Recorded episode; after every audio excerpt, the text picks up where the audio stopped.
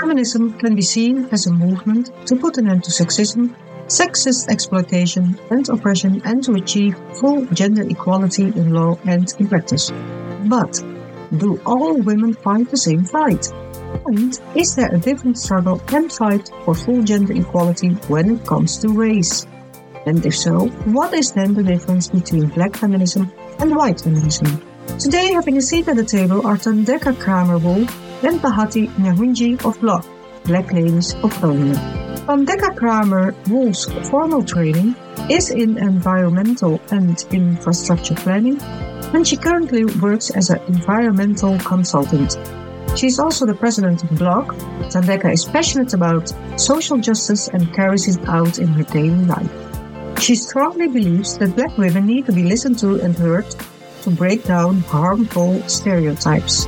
Bahati Nyahunzvi is a second year university student from Zimbabwe.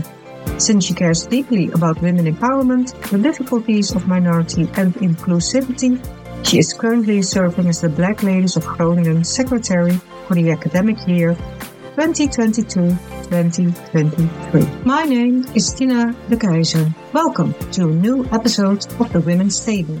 Hi everyone, welcome to a new episode of the Women's Table. Let me introduce you to my guest today, the members of the board of the Black Ladies of Groningen. Thandeka Wolf, president, and Bahati Nyahunzvi, she's the secretary. Ladies, welcome. Thank you so much for having a seat at the Women's Table today. Before we start, I would like to ask you to give a short introduction of yourself. Thandeka, may I start with you? Yes, thank you for having us. It's nice to have a seat at the women's table.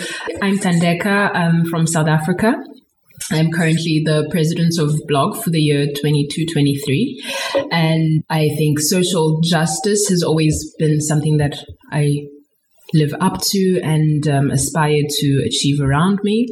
I am an environmental consultant and I've been living in the Netherlands for five years now and I'm slowly starting to find my feet and being in the Netherlands giving me a chance to sort of evaluate and see how the society is put together. And I think I've found my place and I know what my purpose is within the Dutch society. And so through blog, I am sort of able to channel that purpose and desire to be active in the social justice space. Okay. Okay. Thank you. Yeah, hi, I'm Bahati. I'm from Zimbabwe. I grew up in Botswana for like 10 years or so. I'm 20 and I'm doing my bachelor's in history at the RUG. Um, I'm the secretary of blog for 2022 2023. And I think me joining blog, my main motive, I think, is that it's my first sort of experience being a black woman.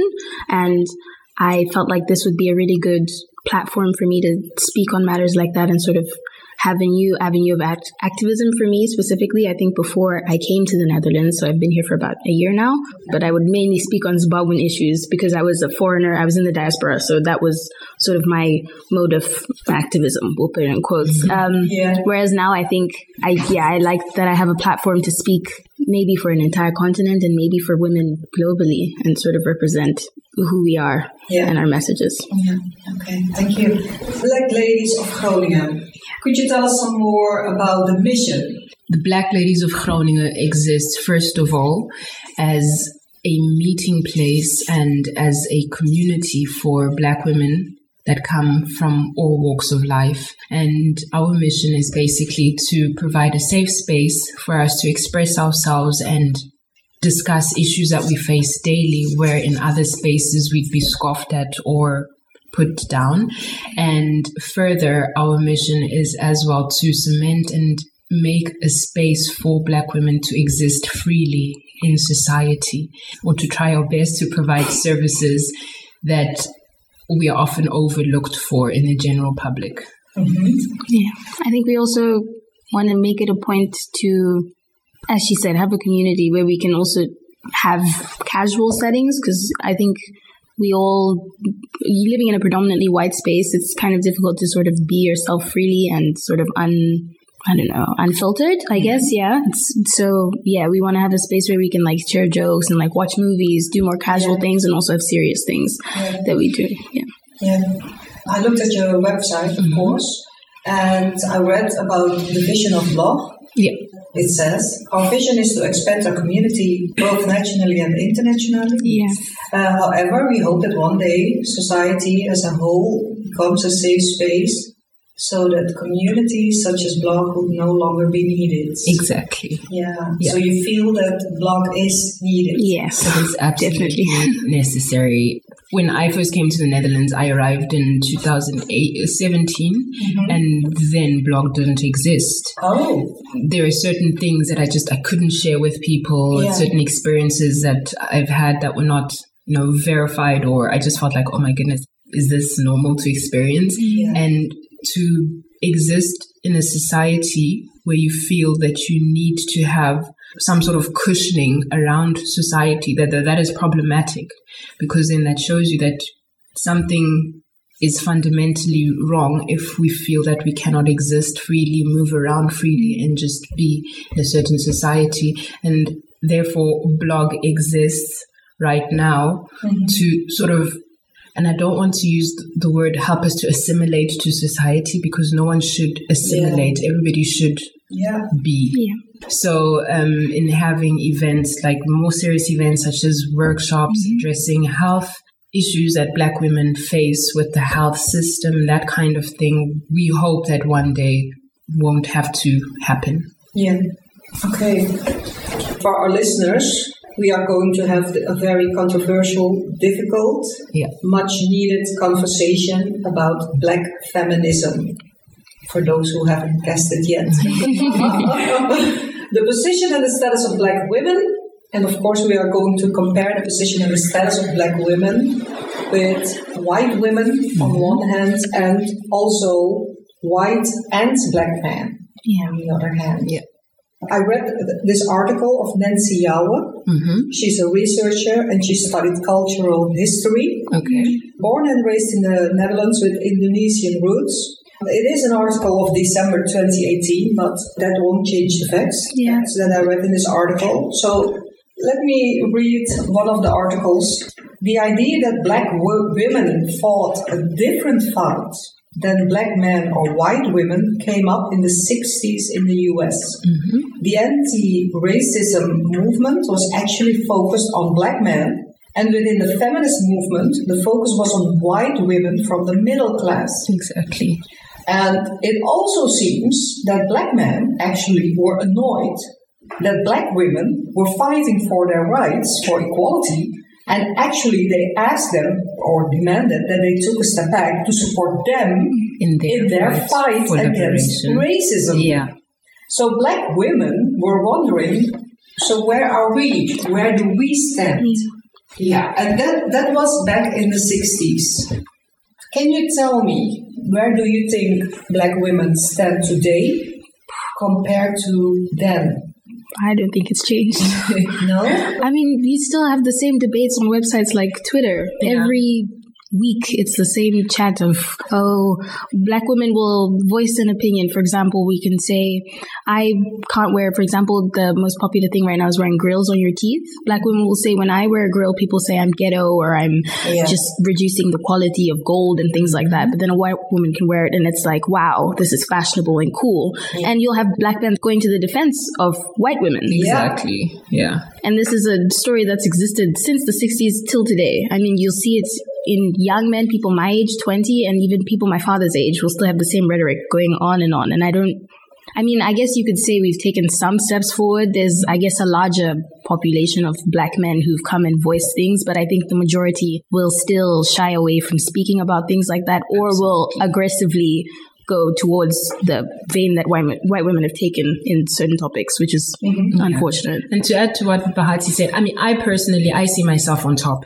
That has also been a conscious decision, and that is also the process of unlearning all the self hate that I have learned in my life. And by self hate, I mean, you know, the concepts brought by colonialism Yeah. that white is always the default. And if Yeah. white is the default, that automatically means I'm that, inferior. and so I have learned to put myself on top. I position myself on top of society. Mm. But to address where I see black women. Unfortunately, we are still here and we're having this conversation yeah. today in, yeah. to address the plight of black women in social justice. And when you look at it, let's take a simple workplace scenario. Mm-hmm. In the workplace today, at the top still have white men. At yeah. middle to top management, you then have white women. In unpacking that, it tells you that the feminist movement or the white feminist movement yeah. is fighting a fight that black women cannot pair up to because we are still fighting for basic rights. Yeah. We are still fighting to be recognized as equal in the first place. Mm. For us, the workspace is not even something that we begin to think of. It, it's just, it's, it's, it's having a job in essence as a black woman is is because it's necessary to survive. Mm-hmm. Yeah. You know, they black women are creative, black women are intelligent, black women are smart. Yeah. But because of the way that we've been brought up throughout history, we're not able to channel those aspects of ourselves and we end up in jobs because we need them. Yeah. And so in that space, in the workspace, it is then that hierarchy of white men when white women and then black men because black men have and i put in inverted commas that advantage over us because they are men yeah and so for them it's a different chat than we have with ourselves yeah. so that inevitably then puts us at the bottom yeah so to speak yeah. Yeah. Yeah. I, I read the book Ain't I a Woman by mm-hmm. Bell Hooks. Oh, yeah. Very interesting book. Huge recommendation. And if we go back, because you, you just mentioned that black women are actually at the bottom yeah. uh, of, of the ocean, trying not to drown. Yeah, literally, yeah. In her book, she explains why this is. Mm-hmm. So, black female slaves well, slaves were property, of course. Yeah. So black female slaves were raped and abused by their white slaveholders. When the female slaves went to their mistresses for support and help, they were cruelly punished for seducing their masters. Exactly. So they sought for protection and they were punished again. And so I think through this book and through this excerpt that you're reading, that you see that the plight for equality or the plight for having a safe space amongst women that we would assume as black women that we could level with each other on some level. But yeah. even then, yeah.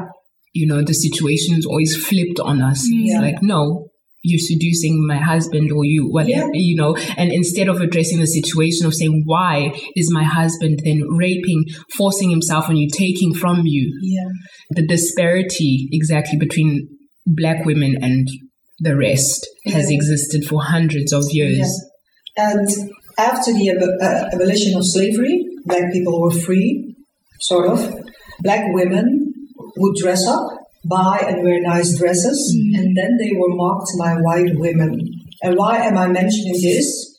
Because it goes to, to show that black women were always put down yeah. by white women. Absolutely. And going back to what you're reading now of white women policing how black women dressed, it was also the wearing of head wraps as well yeah. began because of that. It was like the fact that white women were so jealous that black women could Do put so their much. hair yeah, up in different forms and in different. It's like, oh, you're still trying to seduce the white men, mm. or you're still trying cover your hair up. Mm. And through the ages, it's, it's and I notice in the American culture in the black American culture. It's, it's a topic of debate today amongst black women. It's like, do we wear our hair the way it is?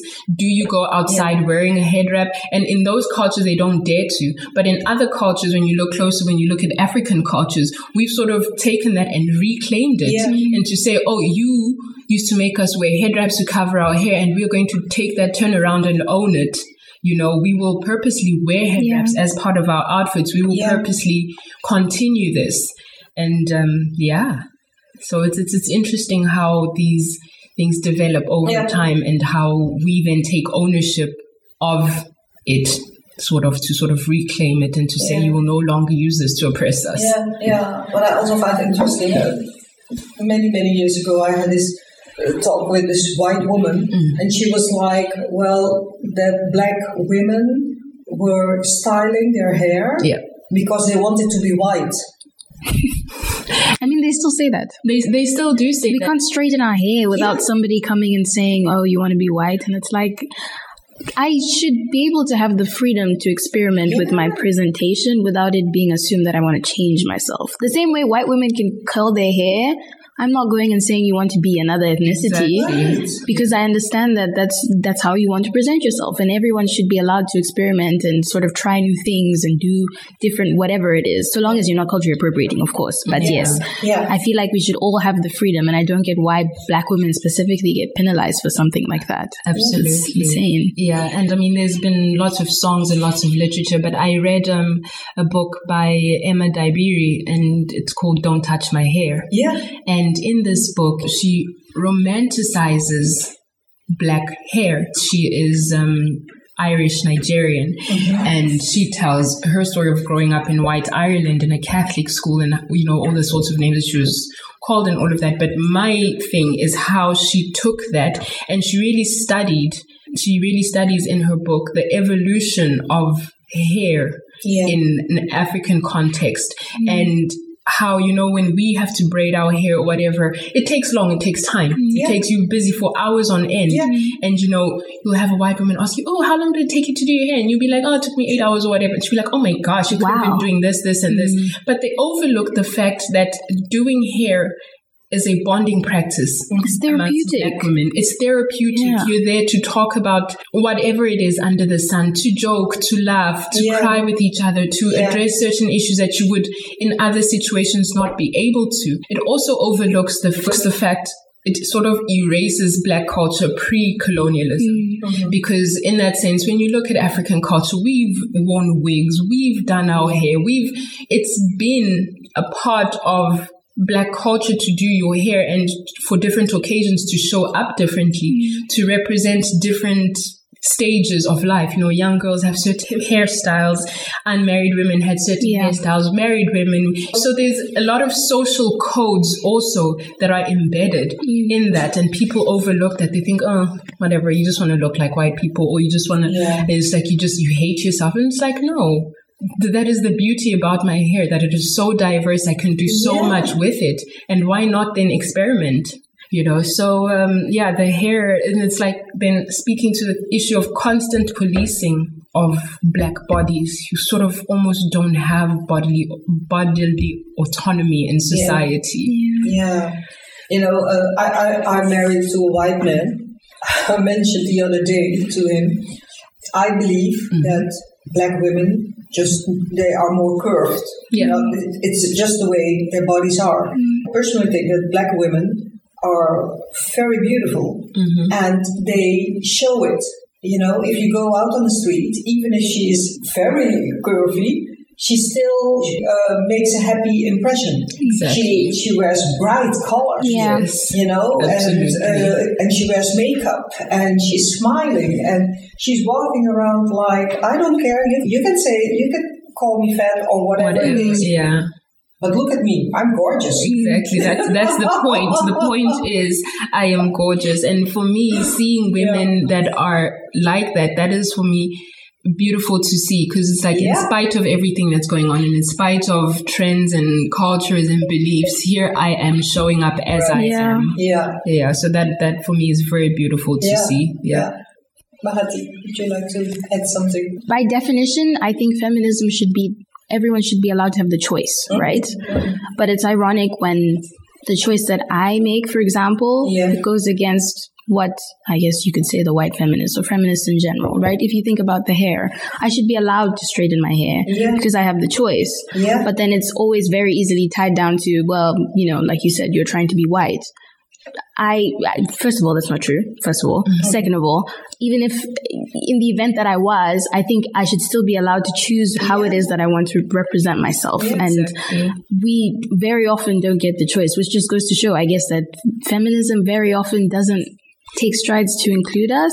The feminist movement from the start uh, the first wave feminists, I think, were one of the things that they wanted was to be able to own slaves, right? That's one of the rights that they were fighting for. And it's ironic that that's just something that's not spoken about today, Absolutely. right? Absolutely. The role, especially that women played Yeah. in slavery. Absolutely. It's just, but yeah, tying that, I think it's, it's just interesting how we don't get the luxury of having a choice, which is sad that it's even had to become a luxury and that we've sort of been trivialized in the feminist movement as a whole. Yeah. And that we have to find a way to make space. I mean, by giving ourselves labels like intersectional or whatever it is. It's, I think it's just really disheartening sometimes. And that in itself is also very harmful. And I would say it's a form of violence, honestly. Like, People look at me and be like, violence, how come it's violent? You know, violence isn't always physical. violence isn't always physical. You know? Violence is verbal. Violence is violence. Violence takes on many forms, Yeah. Yeah. and um, yeah, that that is something that is very often just overlooked. Yeah, I know. Going back to Bell Hooks, in her book, she also talks about, and I think this is quite interesting, that white men were and are found to be more sexist than white women, and that white women are more racist than white men. For instance, when there's a specific position hmm with, within a company, the white man will probably give the position to a black man Over a white. over a white woman. But a white woman will always go for her own, yeah, her own skin color for another white person. Like, for example, the suffragettes hmm in the 20s of the previous century. They were fighting for equal rights, but only for white women. Yeah. Exactly. And I also read that they even, and you mentioned something similar just now, they tried to prevent women of color to gain voting rights Yeah. because in Suriname, South America, and the Caribbean, Yeah. women got voting rights in the in the sixties. in the 60s and that's when you think when did the advent of voting ever begin and the 60s is like recent history Mm. Yeah. honestly it's all of these things are not that long ago No. Yeah. you know and you you think about it and you just like on some level it's also dehumanizing Yeah. you know it's like why don't i have a right Yeah. to vote why don't i mm. have a right to say about why don't i have a say about laws that govern mm. me Yeah.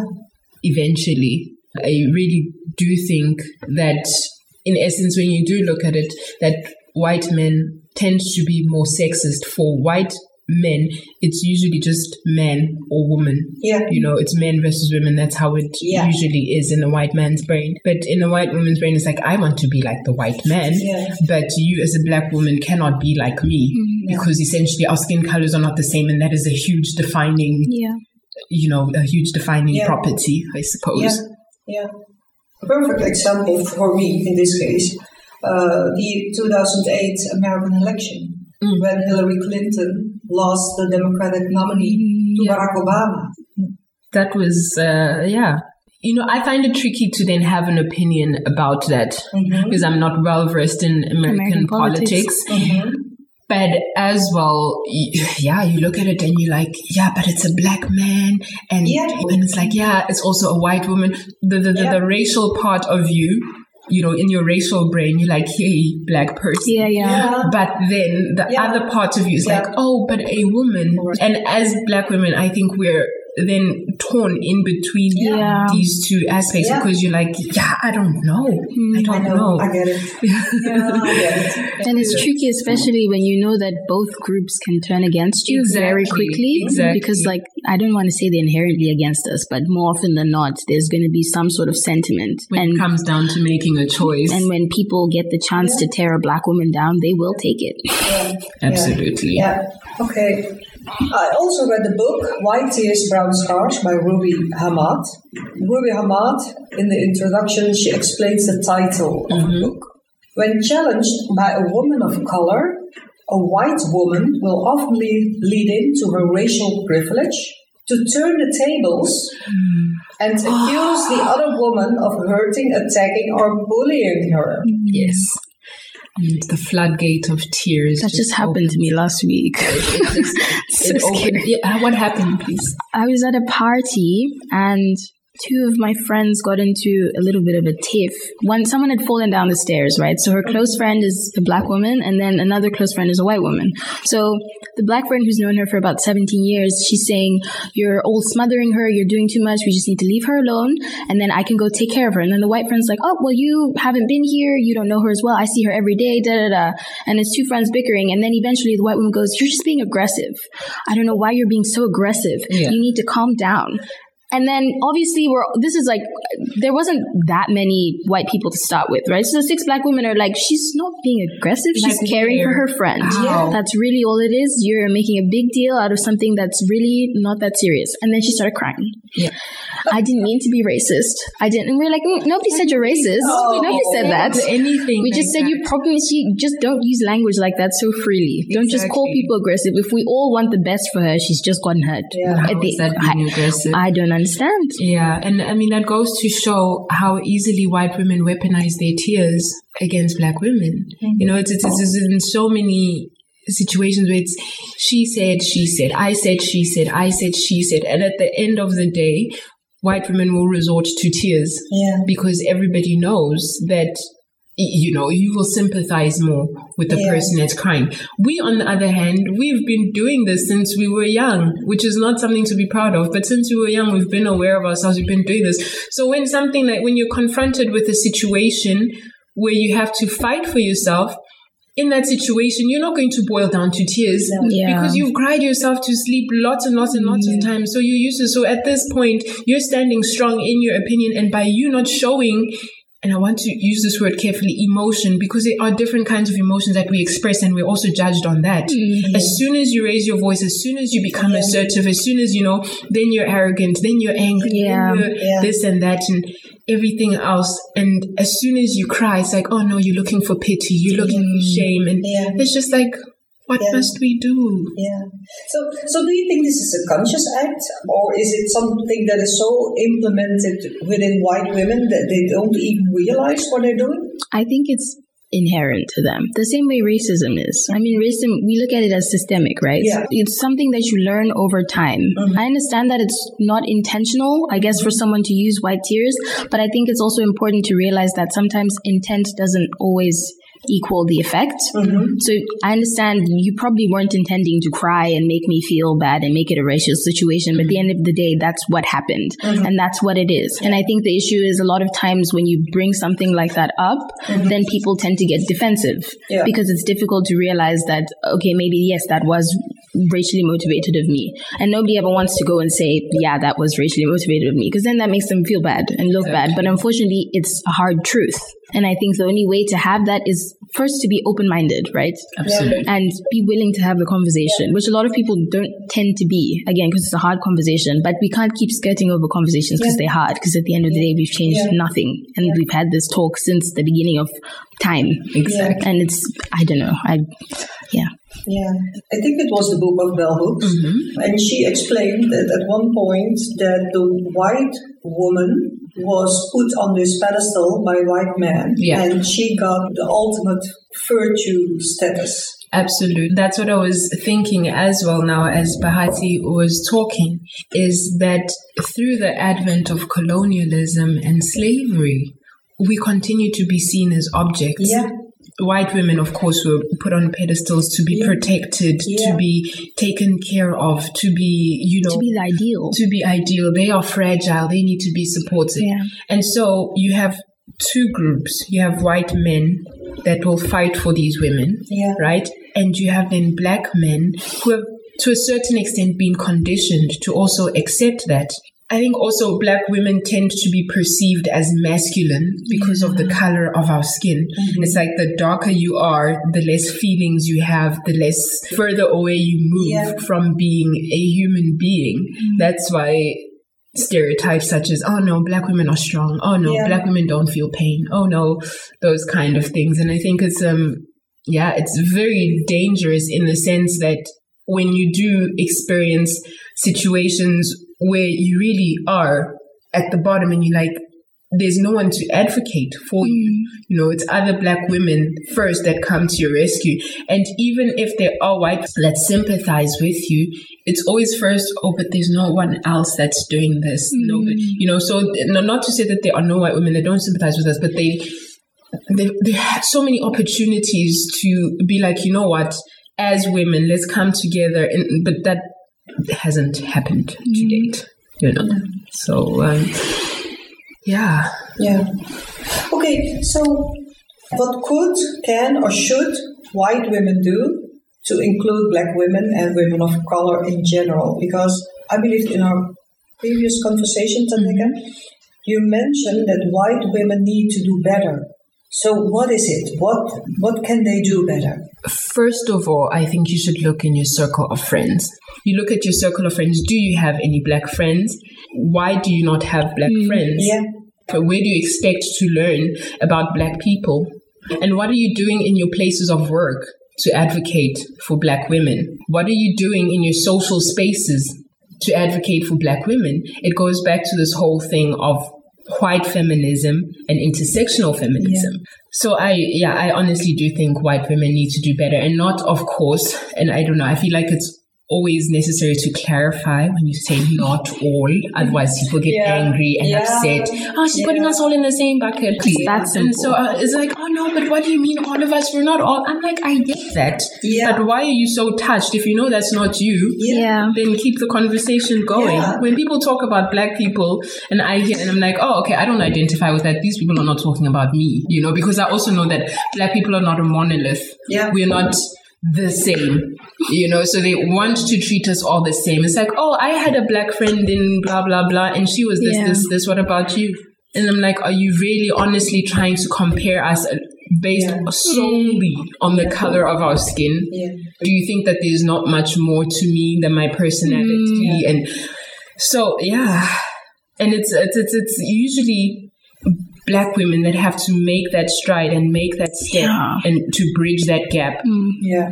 I, I feel like there are tons of opportunities for white women to reach out a hand and to yeah. say, listen, we sympathize with you, which they should, because as women, they know the aspects of oppression and how that sits. Mm-hmm. And for us, it's then layered and complicated. Mm-hmm. And I have friends that say, listen, I don't understand your experiences. I don't understand yeah. what you go through on a daily basis. I cannot put myself yeah. in that space.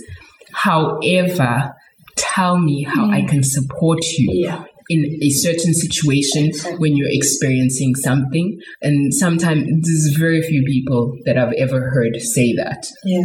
So that's why I really do believe that white women should and could do better. Yeah.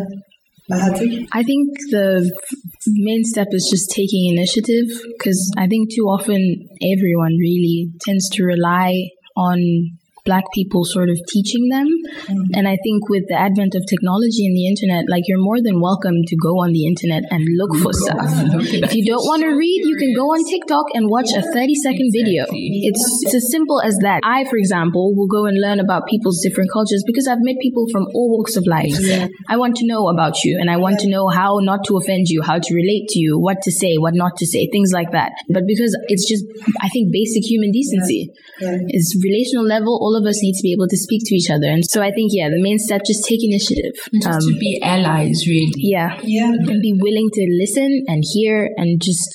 So we talk about what white women could, could do. Mm-hmm. So I'm going to ask the same question now for mm-hmm. black women. What could, can, or should black women do to change their own situations? Because I love memes and I love quotes. Mm-hmm. And there's this quote by Shirley Chisholm if they don't give you a seat at a table, bring your own folding chair. Mm. So, what is it that black women can do if they're not invited to the table? They bring their own folding chair and they say to this white woman, "Now move over, mm. give me that seat."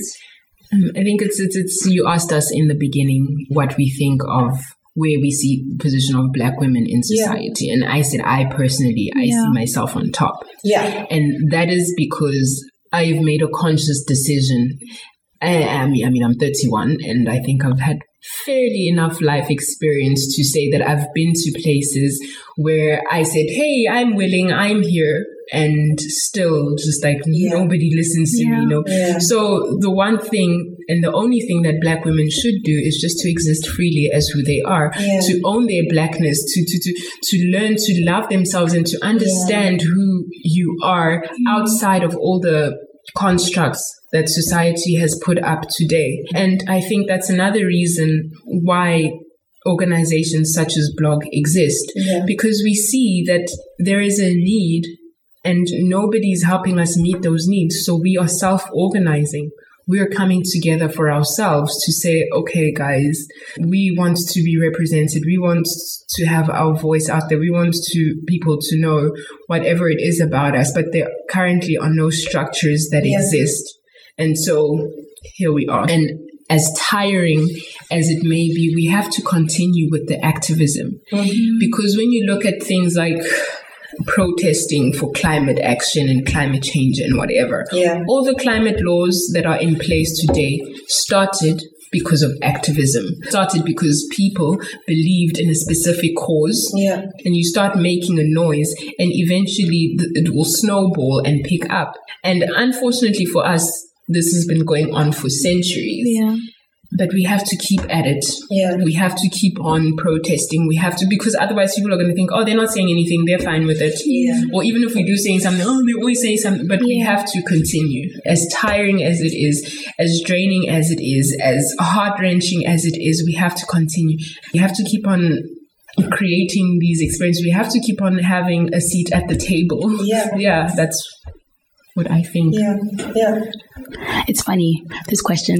It's funny because I think when I first came to the Netherlands, I was kind of, I, not kind of, I was the woman who's like quiet. I don't want to be, you know, the black woman that everyone imagines. Disrupt the space and- Yeah, I didn't want to be the person that people come to when they have racial questions. I was just like, I want to be like every other woman here, just quiet and keep to myself. But then you, I realized over time that I shouldn't have to diminish myself to exist in a space. Mm-hmm. Not that I'm a wildly outspoken person, but I think after coming here, I did go more into my shell than I was Absolutely. before. And small things like, you know, when you go out and you're like, oh, everyone's talking about, oh, we're going to go meet guys and blah, blah, blah. And I'm like, I'm the black woman. Nobody's looking at me, unfortunately. Exactly. Or like when you go into a space, you're looking for a job and you're like, I'm a black woman. Nobody, unfortunately, is going to want to hire me. Nobody's going to look at me first. I'm not the first option. And for a long time, I internalized that. I was like, I'm not the first option for anything, so I'm just not going to try. I'm not going to put myself out there Exactly. an option then in the and it really does. I, it takes a toll on your mental health.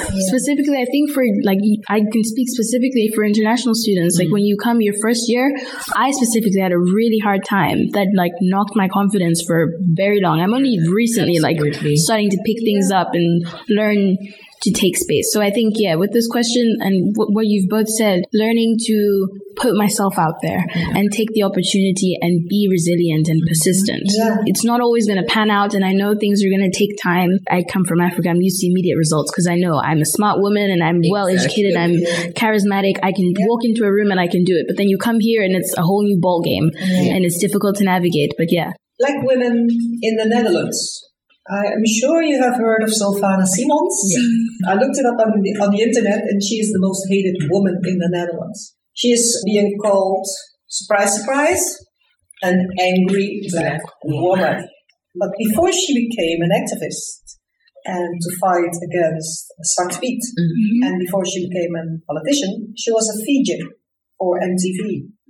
And she was quite popular then because she was a beautiful, because I think she's very beautiful. yeah, And she's absolutely, she's very intelligent. Yeah. She was this beautiful black woman who stayed in her lane. Mm-hmm. Exactly. And it's this whole thing of respectability politics. Yeah. You know, you, you don't want to scream too loud. You don't want to laugh to just to, you put up a facade just to be accepted, palatable. Palatable for people to be like, hmm, okay, she fits. She's a she good black woman. nicely into this environment of our. We Yeah. can keep this one. Yeah, this yeah. one is a Yeah. good one. But as soon as you go against the grain, as soon as you say, hang on a minute. Why am I the only one that's changing everything about Yeah. myself to fit into this Yeah. world and this world is not doing anything Yeah. to be like, oh wait, we recognize that you're different. How about we move differently? Mhm. Yeah. Yeah. And Yeah. Yeah. So, Zwarte Piet, blackface, tradition or racism? Racist tradition. racist tradition. exactly. And I've I've had this conversation Yeah. with many people. Yeah. And when it comes to Zwarte Piet, it's like sort of the room turns to look at you, the black Yeah. person. "Oh, What do you think? Mm. Yeah. And I had an honest conversation with my husband about this as well, because you know he's white. He grew up celebrating Zwarte Piet and whatever. And we were talking about it, and we were just saying, you know, okay, fine, we understand that you, as a child, in your child brain, you didn't make any of those connotations. And we agreed to that point. And then we got to this point of, okay, fine, what about the wigs? Yeah. What about the dark faces, Mhm. The red lips. the red lips, Yeah. the gold earrings? Yeah. And he even went on to say, okay, fine, I see where people are coming from. Yeah. And he says then the same thing with Zwarte Piet and the use of the word neger and whatever else. He says, as a white man, now that I am aware Yeah. that this hurts a specific Yeah. group of people, Mhm. why would I want to continue doing it? Yeah. You know? Exactly. He's like, sure, I understand that it's a tradition for me and I have nostalgic sentiments and whatever. And he's saying, it's not taking away from my experience as a child. It's opening me up to a Yeah. realization in a new world that, Yeah. hey, wait a minute. Thinking about it, why is it like this? Why is it like that? And he says that if I know now that this hurts somebody, I'm not, I'm going to stop Yeah. because this person doesn't feel good about it. Mhm. Yeah. Yeah. Yeah. I was just like, yeah, and that's the compromise that we have to make Yeah. with people. People will protest and demonstrate. Yeah. And I'm like, okay, fine. If it's such a good and pure tradition, why do people call other people to Piet and uh, de- denigrating Yeah. manner? You know, why do you use it in a way that you hope that it will, I feel offended by it? Mhm. Yeah. And I think also it takes a certain level of maturity and experience also because it's like using the word bitch. If somebody calls me a bitch, I won't be offended Yeah. because I know I'm not a bitch. If somebody calls me a nigger with the intent to Mhm. offend me, I'm not going to be offended because I know who I am. I stand firm who I am. But I'm not everybody. Exactly. Not all black people have come to that realization that, you know what, I am who I am, I'm allowed to belong. And so it will trigger some people. It's like, how dare you? And they will get an emotional reaction. Mm. That's because those people have not had the chance or the privilege or whatever you want to call it mm-hmm. to work through those feelings and reach a point where they Yeah. understand that I am me and being me is perfect and enough. Yeah. Okay, if you're not willing to change your beloved traditional and saying you must do away with it. Mm-hmm. But Just remove that. Exactly, remove that. That's not all that we pivotal. Yeah.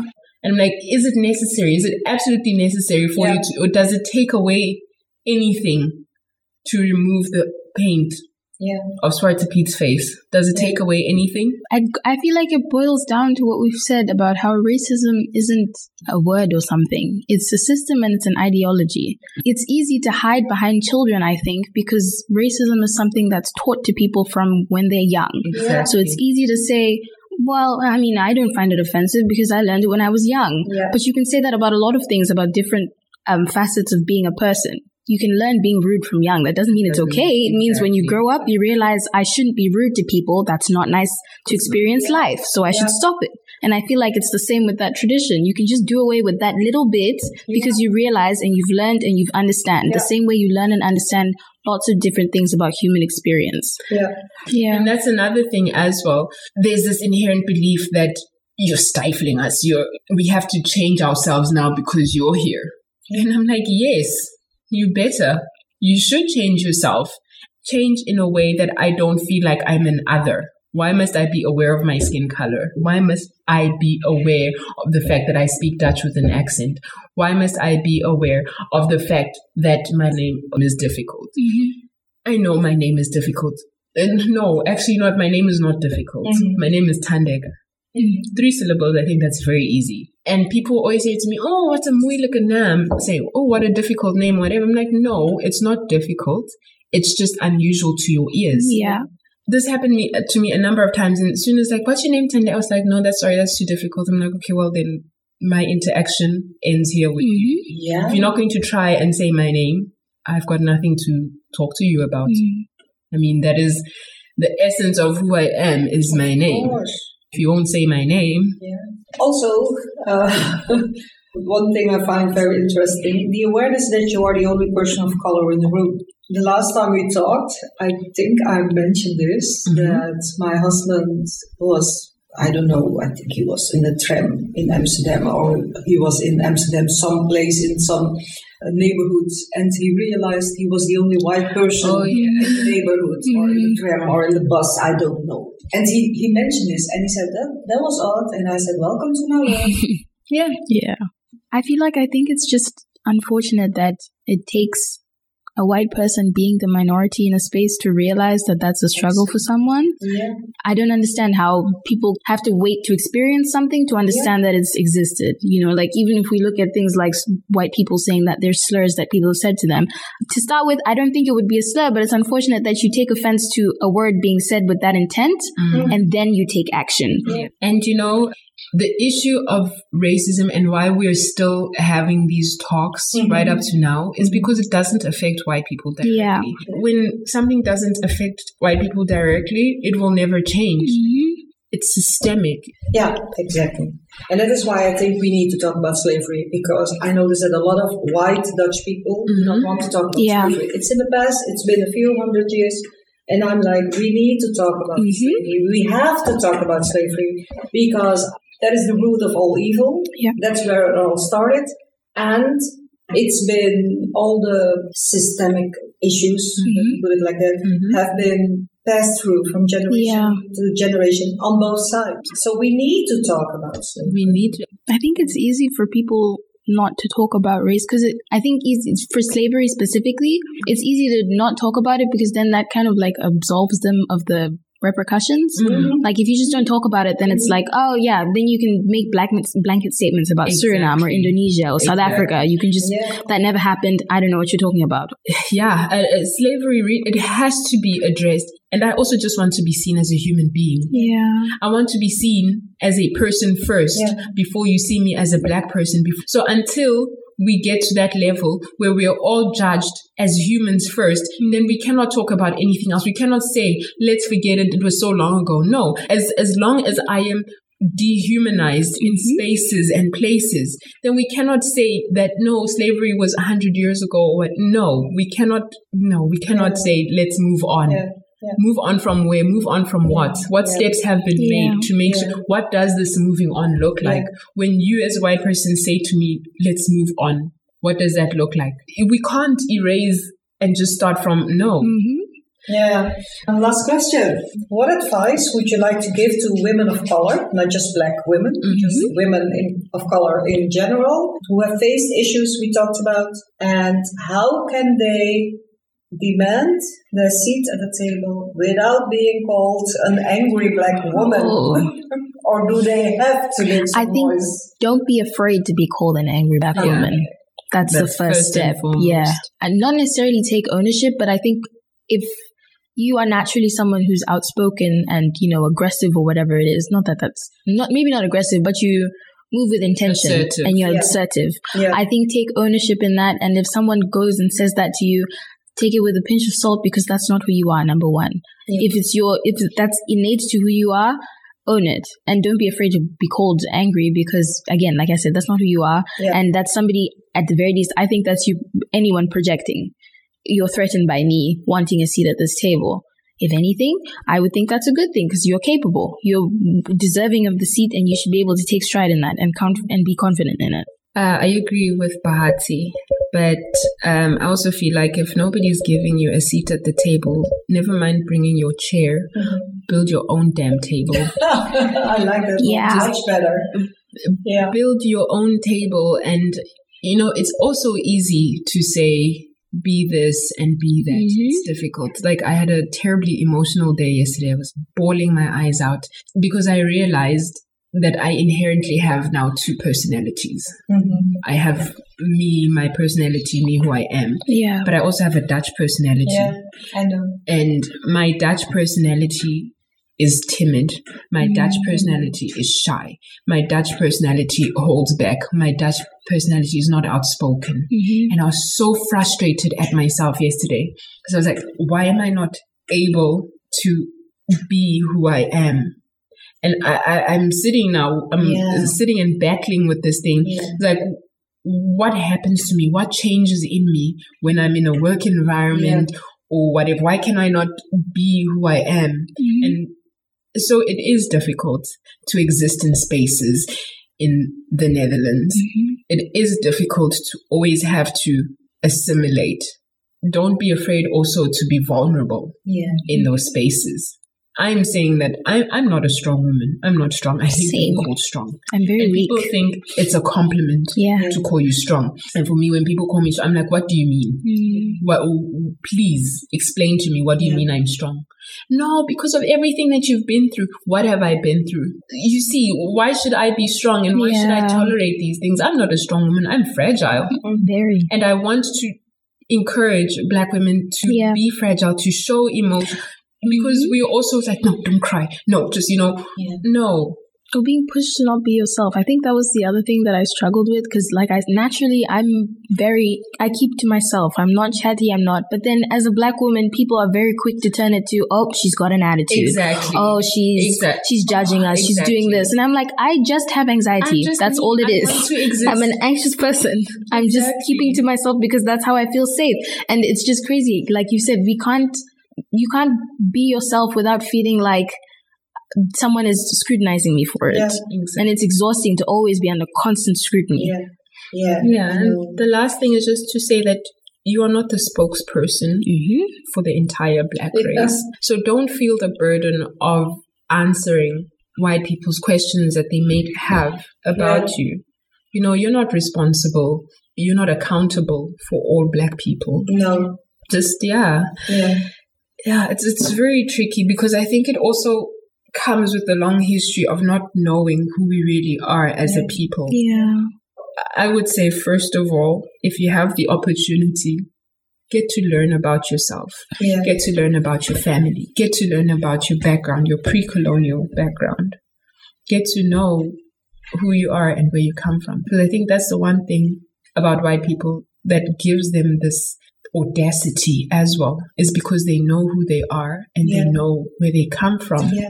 And for us, there is a disruption there. There's a bit of a gray area. But I take it upon myself to understand and to know who I am so that if any white wind blows my way, I will not be shaken. I will stand firm. I know that I am beautiful, I am smart, I am worthy, and I belong where I am. It's not by chance that I am here. And if you don't want to open up the circle, I'll go create a circle for myself. hmm Oh my. Per. Thank you so much.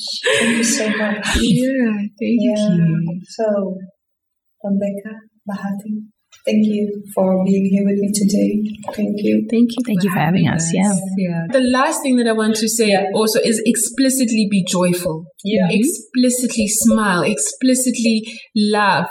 Because that's also another thing that is been deprived of us. We are called loud. We are called Yeah. wretched. We are called unruly. We're Ghetto. ghetto. All those. Express your joy in Yeah. any way you feel how. Do not let anybody tell you, no, you, to, no, no, don't, no. Yeah, I know. Do not Um, allow anybody Yeah. to tell you how to express your feelings and your emotions. It is valid. Yeah, Mhm. yeah, I know because I'm quite outspoken Mm. And I always speak my mind. And it, and, and I notice that uh, even within my own circle of friends of my family, I see those rolling eyes. oh, she goes again. She goes again. I like. I don't care. Yeah. Exactly. Okay, so thank you. It's been an honor to have you at the table, to have you on my show. I hope our talk today will inspire all our listeners, whatever gender or race they are, Absolutely. to think about what they can do to include black women or women of any kind of color and therefore help actually improve the position and the status of women of color. Absolutely. And I also hope that black women, actually all women of color, are inspired by our talk to get up, take their own folding chair and bring it to the table, demand a seat at the table. Mm-hmm. Now move your ass over, make room for me. I have every right to be here just like you, but I like the one by just mentioned by Thandeka. Actually, I like it better. if they don't give you a seat at the table, build your own damn table. Mm-hmm. Thank you. Thank you. Thank you, Thandeka and Bahati, for sharing your personal thoughts and experiences with me. Thank you for this incredible, honest, and inspiring conversation. For those who want to learn more about BLOG or if you want to join them, please visit their website at www.blackladiesofgroningen.com. In the next episode, I will be having a conversation with Kate Carson about another very controversial topic abortion. To have or not to have one? What are the main reasons for women to have an abortion? We talk about the people who are pro choice and about the protesters. And let's be honest is abortion birth control healthcare? Or is it just simply baby murder? Thank you all for listening. My name is Tina de Keizer. This is the Women's Table.